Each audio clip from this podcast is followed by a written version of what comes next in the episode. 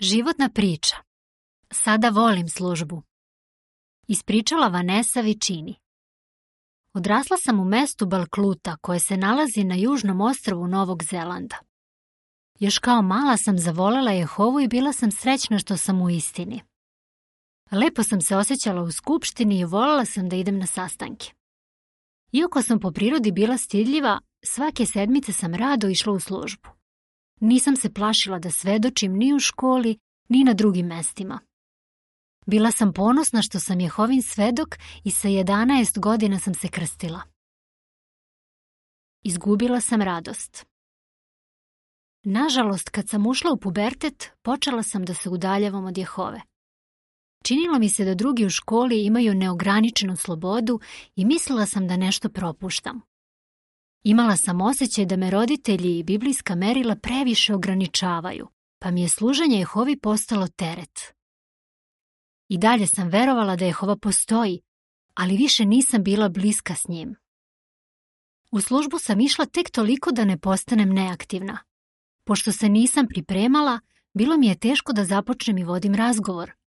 Zbog toga ništa nisam postizala u službi i više nisam uživala u njoj. Počela sam da se pitam kako neko može ovo da radi svake sedmice, svakog meseca? Kada sam imala 17 godina, htela sam da budem potpuno nezavisna. Zato sam otišla od kuće i preselila se u Australiju. To je mojim roditeljima teško palo. Bili su zabrinuti, ali su se nadali da ću nastaviti da služim Jehovi. U Australiji sam još više duhovno oslabila. Počela sam da propuštam sastanke. Družila sam se s mladima kojima kao i meni nije bio problem da jedno veče budu na sastanku, a sljedeće veče da izlaze u noćne klubove i piju. Sada razumem da sam jednom nogom bila u istini, a drugom u svetu, ali nigde nisam mogla da pronađem sebe. Neočekivana, ali važna lekcija. Oko dve godine kasnije upoznala sam jednu sestru koja nije ni bila svesna toga da me je podstakla da razmišljam o svom životu. Stanovala sam sa još četiri neudate sestre i pozvale smo pokrajinskog nadlednika i njegovu ženu Tamaru da budu kod nas nedelju dana. Dok je njen muž imao obavezu u skupštini, Tamara se družila s nama. Stvarno mi je bilo lepo u njenom društvu. Bila je puna razumevanja i lako je moglo da se priča s njom. Nisam mogla da verujem da neko ko je toliko posvećen službi može da bude tako interesantan. Tamara je zračila radošću. Njena ljubav prema istini i službi je bila zarazna. Uživala je da čini sve što može za Jehovu, dok sam mu ja davala samo mrvice. Bila je tako srećna i pozitivna i to je ostavilo snažan utisak na mene. Njen primjer me je naveo da razmišljam o važnoj biblijskoj istini. Jehova želi da mu svako od nas radosno služi. Ponovo sam zavolela službu. Htela sam da i ja budem radosna kao Tamara. Međutim, morala sam da napravim velike promene. Trebalo mi je vreme da to postignem, ali sam išla korak po korak. Počela sam da se pripremam za službu i s vremena na vreme sam bila pomoćni pionir. Pošto sam više koristila Bibliju u službi, počela sam da uživam u njoj.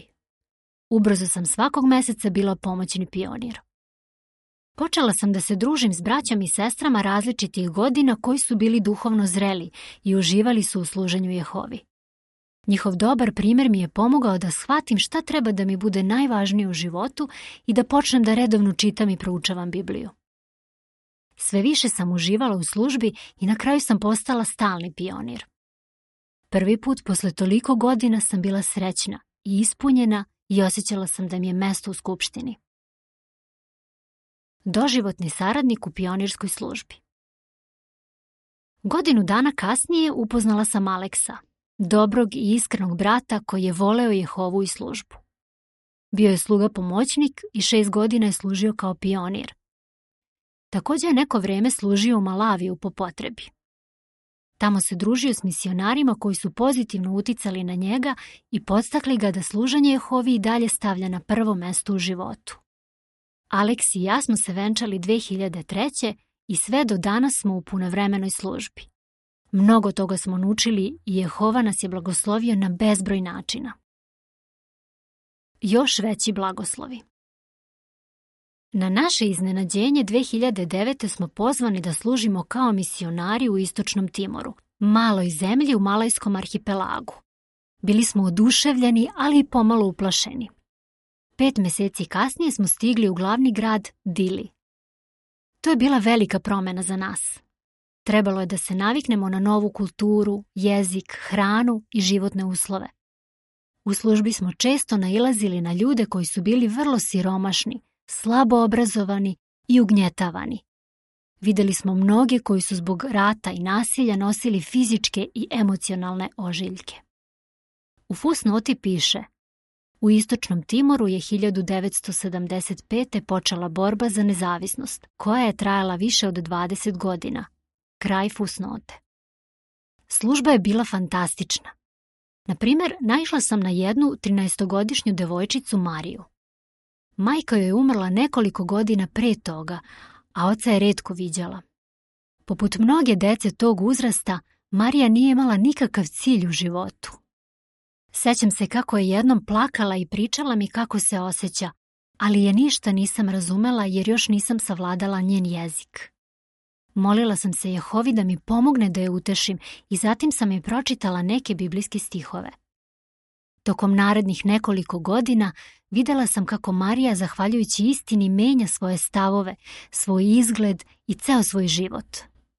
Na kraju se krstila i sada ona proučava Bibliju s drugima. Danas Marija ima veliku duhovnu porodicu koja je mnogo voli. Jehova blagosilja propovedanje u Istočnom Timoru. Iako je većina objavitelja krštena u posljednjih deset godina, mnogi od njih su pioniri, sluge pomoćnici ili starešine. Neki služe u istorenom prevodilačkom odeljenju i prevode duhovnu hranu na lokalne jezike. Mnogo sam radosna kad ih čujem kako pevaju na sastancima, kad vidim njihova nasmejana lica i posmatram kako duhovno napreduju.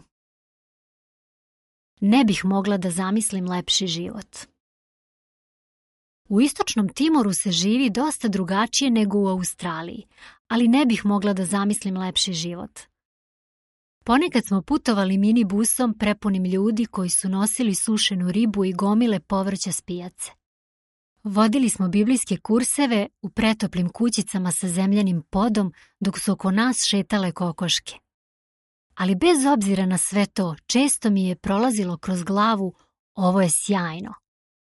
Mnogo sam zahvalna roditeljima koji su dali sve od sebe da me pouče Jehovinim merilima i bili uz mene čak i tokom burnih tinejdžerskih godina. I na mene se mogu primeniti poslovice 22.6. Mama i tato su ponosni na Aleksa i mene i srećni su što služimo Jehovi. Nas dvoje smo od 2016. u pokrajinskoj službi na području koja nadgleda podružnica za Australaziju. Ne mogu da verujem da mi je služba propovedanja ranije predstavljala teret. Sada volim službu. Shvatila sam da ćemo šta god nam se dešava u životu biti istinski srećni samo ako celim srcem služimo Bogu. Zato su mi posljednjih 18 godina, koliko služim Jehovi sa Aleksom, najlepše u životu. Sada razumem zašto je David rekao Jehovi, radovat će se svi kojima si ti utočište, doveka će radosno klicati.